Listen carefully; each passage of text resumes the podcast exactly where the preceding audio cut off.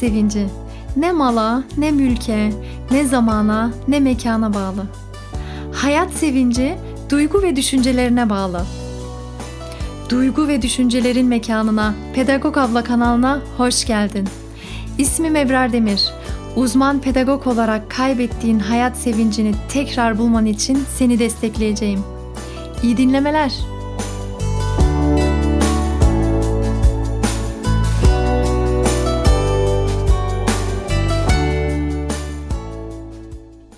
Günümüzde depresyondan çeken bir sürü insan var ama toplumda bunun hakkında konuşulmuyor fazla. Konuşulmak tercih de edilmiyor. Sanırım böyle toplumdan hani ağır gelen geri bildirimler oluyor. Belki budur bunun sebebi. Ben lise dönemlerimde üniversitede hangi alanı okumak istediğim hakkında konuştuğumuz kişilerle psikoloji okumak istiyorum dediğimde hatırlıyorum bazı kişilerin bana şöyle dediğini nasıl yani deliler doktoru mu olmak istiyorsun sen diye bir tepki verildiğini hatırlıyorum ben ve pat diye yapıştırıyor sana bir yargıyı ve konuşulmuyor işte böyle şeyler yüzünden de. Konuşulmasın hadi ama konuşulmayınca da dertler de kendiliğinden kaybolup gitmiyor işte maalesef. Konuşmak ilaç gibi gelebiliyor bize. Depresyonu olduğu için ve intihar eden bir sürü insan var çevremizde. Daha çok yakında yine gördük e, haberlerde. Belki derdini dile getirebilseydi, belki açılsaydı, hisleri hakkında konuşabilseydi, ufacık da olsa kararını etkileyebilecek bir söz söylenilebilinirdi belki. Bizler birbirimizin ilacıyız. Bizler birbirimize iyi gelebiliyoruz işte özellikle hastalık konusunda birbirimizi desteklememiz şart.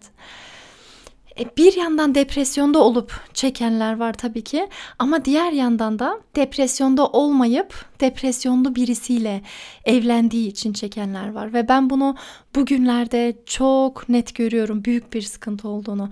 Pedagog Abla kanalında işte yeni bölümleri e, paylaştıkça e, sorular geliyor bana ve Şöyle diyenler çok oldu. Kocamdan nefret ediyorum. Çocuklarım olmasa bir dakika durmam yanında. Hemen giderim. Çok iyi anlıyorum. Bardak taştıysa eğer yapamıyorum artık diyorsan tabii ki çekmek zorunda değilsin. Bu senin tercihin. Eğer çekmemeye karar verdiysen ve ayrılıyorsan sıkıntı yok. Ama hem çocuklarım için ayrılmayacağım, onlar için aynı evde kalacağım deyip hem de ondan nefret etmeye devam etmek. İşte burada sıkıntı var. Bu çok zarar verici bir şey. Her gün aynı evde nefretle yaşarsın ve o nefret insanı yer, bitirir. Bu sebeple eğer ayrılmadıysan eşini bir de sevmeyi dene. Çünkü depresyonlu bir eşinin olmasının ciddi avantajları da var. Var gerçekten var. Birazdan geleceğim avantajlarına. Benim eşim de ara ara depresyona giriyor. Nasıl bir duygu olduğunu çok iyi biliyorum. 15 yıldır evliyiz ve e, bu bölümde biraz böyle deneyimlerimden anlatmak istiyorum. Belki benim çıkarımlarımdan faydalananlar olabilir diye.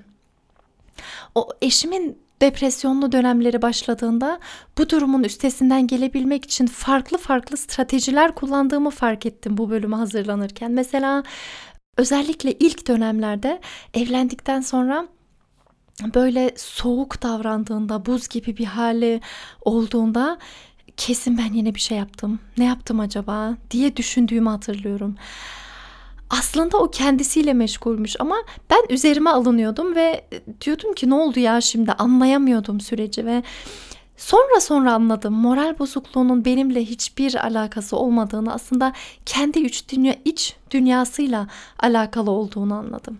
Ve o günler gerçekten yani çok fazla değildi belki ama ara ara boşuna üzülmüşüm. Şimdi daha net anlayabiliyorum. Bunun haricinde depresyonlu dönemine girdiğinde o istediği için mesafe koyduğum oldu. Mesela diyor ki konuşmak istemiyorum diyor. Sonra konuşuruz dedim ben de. Hani rahat bıraktım demek ki konuşmaya ihtiyacı yok. Rahat durmak, rahat olmak istiyor. Veya diyordu ki sen uyu, benim yalnız kalmaya ihtiyacım var. Ben de diyordum ki tamam ben uyuyayım, o da yalnız kalsın. Çünkü yalnız kalmaya ihtiyacı var. Oysa onu kendi haline bırakırken çok da iyilik yapmıyormuşum aslında ben ona. Tam tersine onu olumsuz duygularıyla baş başa bırakıyormuşum. O yalnızlığa sığınıyormuş sadece ve yalnızlık iyi gelecek değil ona. iyi gelmiyor da zaten. Çünkü yalnız kaldığında o iç sesleriyle baş başa kalıyor. O onu aşağı çeken düşünce tarzlarıyla baş başa kalıyor ve aslında onu yalnız bırakmamalıymışım. Yani konuşmalıymışım. Onu negatif bataklıktan da e, çıkarmak için e, kendi halimden bile başka şeyler hakkında konuşsam bile bu ona iyi gelecekmiş. Bunu da tabii ki sonradan anladım. Bunun haricinde depresyonlu dönem geldiğinde ara ara kendimi korumak adına kendim istediğim için de mesafe koyduğum oldu. Mesela duyguların bulaşıcı olduğunu biliyorum. Ben e, senin ne hissettiğini e, bir nebze ben de hissedebiliyorum. Bu yüzden aşırı ben de onunla böyle çok fazla dertlensem o zaman ben de onun durumunda aynı olurum ve ikimizin de birbirimize hay şeyimiz olmaz. İkimizin de birbirine hayır olmaz. Madem o iyi değil bari ben şu an iyi olayım ki dengemizi sağlayalım ve kulağa bencillik gibi de geliyor bazen bana. Hani o ne hali varsa görsün ben e, gidip yatayım gibi değil. Hayır. Eğer eğer bir durumu en güzel şekilde atlatmak istiyorsam eğer ilk önce kendime iyi bakmam lazım. Sonra etrafıma iyi bakmam lazım. Çocuklarıma daha sonra da çocuklarıma bakmam lazım. Önce ben iyi olursam zaten onlara en iyi şekilde bakabilirim. Çünkü benim duygu durumum iyi olmazsa başkalarına da benim bir hayrım olmaz. Derken ara ara kendimi korumak adına kendim de mesafe koyduğum oldu. Bazen de ne yapacağımı hiç bilemedim ve birçok şey yaptım. Mesela Kur'an okudum, dualara sığındım. Ağladığım oldu, takmadığım oldu. Birçok e, stratejiler kullandığımı bu bölümü hazırlarken gerçekten fark ettim. Kap karanlık, derin bir dünyanın da var olduğunu öğreniyorsun. Sadece senin dünyan yokmuş. Herkesin um, senin değerlendirme sistemin gibi herkes değerlendirmiyormuş aynı şeyleri yapıyor olsak bile aynı dünyada yaşadığımı düşünüyor olsam bile aynı şeyleri yapıyor olsak bile hatta aynı ortamda bulunsak bile ap ayrı duygularımız varmış. Onu öğreniyorsun. Yardım edeyim diyorsun ama ne yapabileceğini bilmiyorsun ki çünkü depresyonda olan eşin bile içinde neler olduğunu anlamıyor. O bile bilmiyor. Sen pek fazla bir şey yapamayabiliyorsun zaten. Düşünsene her şey çok keyifli ilerliyorken, her şey yolundayken bir tetikleyici geliyor ve o an her şey bitiyor. Keyif diye hiçbir şey kalmıyor artık. En kötü günlerinde de onu kaldıran güç sen oluyorsun ve bu bir insana yüklenmiş çok ağır gelen bir şey olabiliyor ve herkes her zaman kaldıramayabiliyor bu yükü. Gece yatması sorun oluyor, sabah kalkması sorun oluyor. Bazen bir şey söylüyor ama o dediğini asla kastetmiyor. Mesela e, sen bırak git yat bana bulaşma diyor. Oysa demek istediği bu değil. Bana yardım et. Aklımdan korkunç şeyler geçiyor. Hiç iyi değilim ben demek istiyor aslında. Ama ben de bunu daha yeni yeni anlıyorum. Hadi kendinden de geçtin. Etrafındaki insanlara da mahcup kalabiliyorsun bazen. Mesela bir arkadaşımı tanıştırayım diyorsun ama tam o depresyonlu bir dönemine denk geliyorsa eğer ona gülümsemek bile zor gelebiliyor. En kötüsü de ne biliyor musun? Depresyona girdiği anda sevdiğin kişi olmaktan çıkması.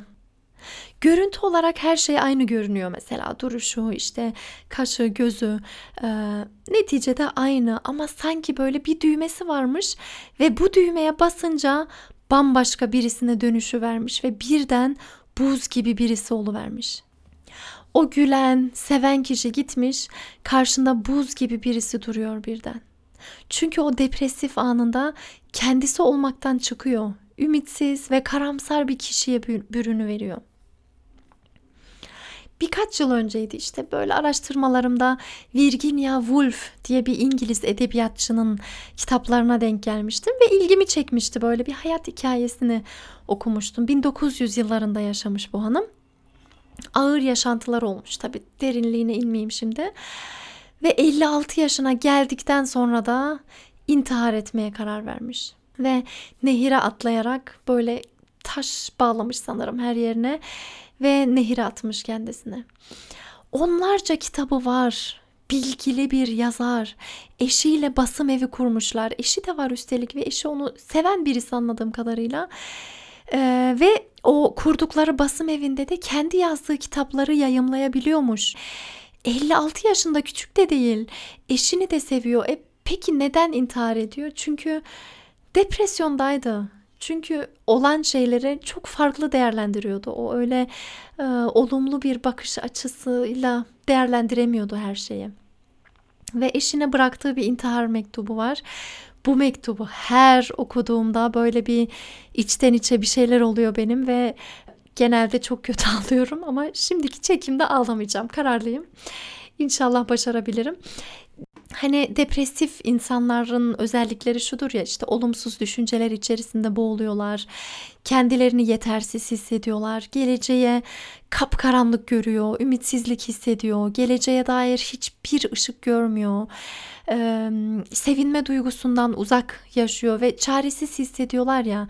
İşte bu intihar mektubunda da bunların hepsini çok iyi anlayabiliyorsun, hissedebiliyorsun. En sevdiğim ile başlıyor intihar mektubu. Yine delirecekmişim. Bu korkunç günleri atlatamayacakmışız gibi hissediyorum. Ve sanki giden zamanı geri çeviremeyeceğim. Sesler duymaya başlıyorum ve konsantre olamıyorum. Bu yüzden yapmam gereken şeyi yapıyorum.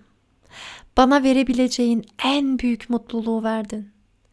Kimsenin yapamayacağı şeyleri yaptın iki insanın birlikte daha mutlu olabileceğini sanmıyorum. Ben artık savaşamayacağım. Biliyorum. Senin hayatını mahvediyorum. Bensiz daha mutlu olacaksın. Görüyorsun bu mektubu bile doğru düzgün yazamıyorum. Okuyamıyorum. Hayatımdaki bütün mutluluğu sana borçlu olduğumu söylemek isterim. Bana karşı inanılmaz sabırlısın ve iyisin. Şunu söylemek istiyorum. Aslında bunu herkes biliyor. Eğer biri beni bu durumdan kurtarabilecek olsaydı bu sen olurdun. Her şey beni terk edip gitti. Ama senin iyiliğin hep benimle kaldı. Artık senin hayatını mahvetmeyeceğim. Kimse seninle mutlu olduğumuz kadar mutlu olamazdı. Bu kadar. Ay İçimiz iyice karardı. Depresyonlu bir eşin avantajlı yanları da var demiştim ya işte sanırım artık o yönlerine de gelme vakti geldi. Depresyonda olan eşinle iyi anlaşabiliyorsan eğer o seni daha bir başka, daha derin, daha çok seviyor.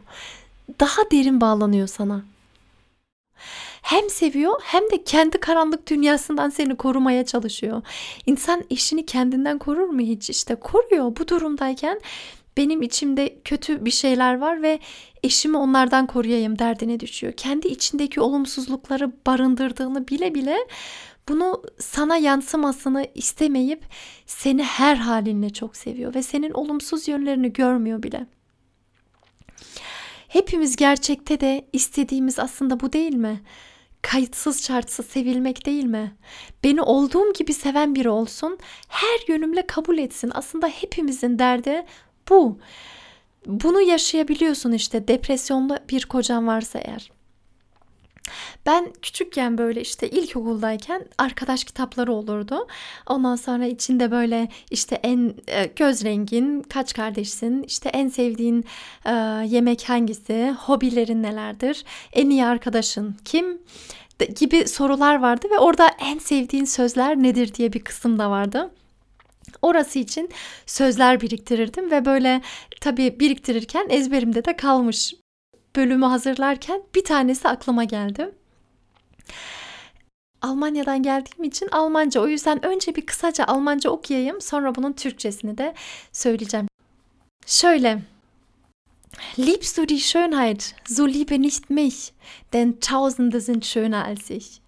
Liebst du das Geld, so liebe nicht mich, denn Tausende sind reicher als ich. Doch liebst du die Liebe, so liebe nur mich, denn keiner liebt dich mehr als ich. Diyor ki Eğer diyor güzelliği seviyorsan beni sevme. Dışarıda binlerce daha güzel kişiler var. Onları sev. Parayı seviyorsan eğer beni sevme. Çünkü dışarıda binlerce kişi benden daha zengin. Ama sevgiyi seviyorsan eğer o zaman beni sev. Çünkü hiç kimse seni benim kadar sevemez. Çocuksu mocuksu olabilir ama bence çok doğru işte. Beatles da diyor ya all you need is love. Bütün ihtiyacın olan şey sevgi. Gerçek şu ki depresyonlu birisini seviyorsan ve ona zor günlerden geçerken yardım edebiliyorsan onun karanlık dünyasında bir ışık olabiliyorsun. Bunun karşılığında da sana gelen onun sevgisi oluyor. Nefret ediyorum ondan. O depresyonlu dediğin kişi anlaşılmanın yolunu bulabilirsen ve kabullenebilirsen seni kayıtsız şartsız derinden sevebilir. Ev için yaptığın ufacık şeyler bile kendisine çok büyük şeylermiş gibi geliyor olabilir. Çünkü kendisi bazen bu küçük şeyleri bile yapamıyor. Bu yüzden sana hayranlıkla baka, bakıyor olabilir sana acayip bir şekilde sadık olan bir eşin olabilir. Yani büyük ihtimalle böyle oluyor zaten. Çünkü e, kendi derdinde olumsuz yanlarını bile sevebilir senin ve seni kaybetmemek için de sürekli korumak ister. Gerçek şu aslında. Hani dinimizde şöyle bir şey vardır ya. Varlıklarından başkalarına ver ki varlığın çoğalsın. Paranı verdikçe paran çoğalır ve ben şuna inanıyorum. İlmini verdiğinde de ilmin çoğalıyor. Sevgini verdiğinde de sevgin çoğalıyor. Yardım ettiğinde de yardım görüyorsun ve depresyon da bu yüzden güç var sanırım. Böyle değişik bir güç veren bir şey var. O dönemi aşmak için mücadele ediyorsun. Ona gücünden güç veriyorsun ve bu vesileyle sana daha çok güç geliyor. Hoşgörü veriyorsun, sana daha çok hoşgörü geliyor. Sevgini veriyorsun ve sana kat kat daha fazla sevgi geliyor. Nasıl gündüzün değerini gece anlayabiliyorsun ışıksız kaldığında. Nasıl hasta olduğunda sağlığının değerini daha iyi biliyorsun ve kış geldiğinde o sıcacık vuran güneşi yazın hissettiğin o hissi değerini biliyorsun ve depresyondaki o güç de bu sanırım. Olumsuzluklar olduğu için aradaki yaşanılan güzel şeyler de daha çok değer kazanıyor. Daha mutlu olabiliyorsun o e, dönemi atlattıktan sonra. Bunun gibi bir şey e, depresyonlu bir eşle yaşamakta. Zor bir dönemi atlattıktan sonra yaşanan her dakika çok değerli oluveriyor.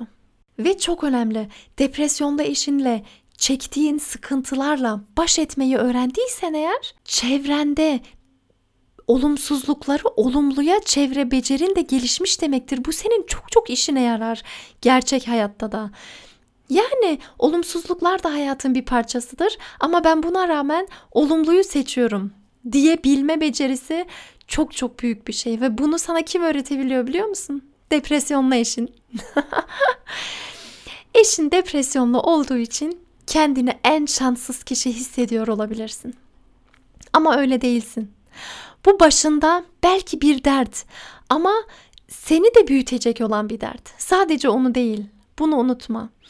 Eşin depresyondaysa onu başka kişilerle kıyaslayıp ona karşı savaş açma. Çünkü onun derdi sen değilsin. Onun derdi kendisiyle. Onu anlamaya çalış. Mücadele et. Onu destekle. Hatta onu desteklemeyi seç. Sonra gör bak ne kadar seviliyorsun. Ve gör bak ne kadar şanslısın.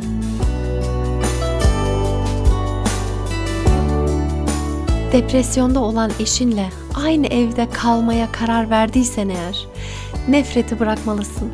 Artık onu sevmelisin. Sevgi zaten pat diye oluşan bir şey değil. Sevgi emekle oluşuyor, çabayla oluşuyor. Şu bir film sahnesi var. Hani içler acısı. Hani dın dın dın dın dın Selvi Boylumal yazmalımdaki o sahne var ya hani sevgi neydi? Sevgi dostluktu. Sevgi iyilikti. Sevgi emekti diyor ya hani. Aynen öyle işte. Bu yüzden eşinle el ele verip karşına gelen her türlü zorlukları aşabilirsin. Bu bölümü çevrende depresyonlu bir eşi olan yakınlarına ulaştırırsan çok çok sevinirim. Sevgilerimle Ebrar Demir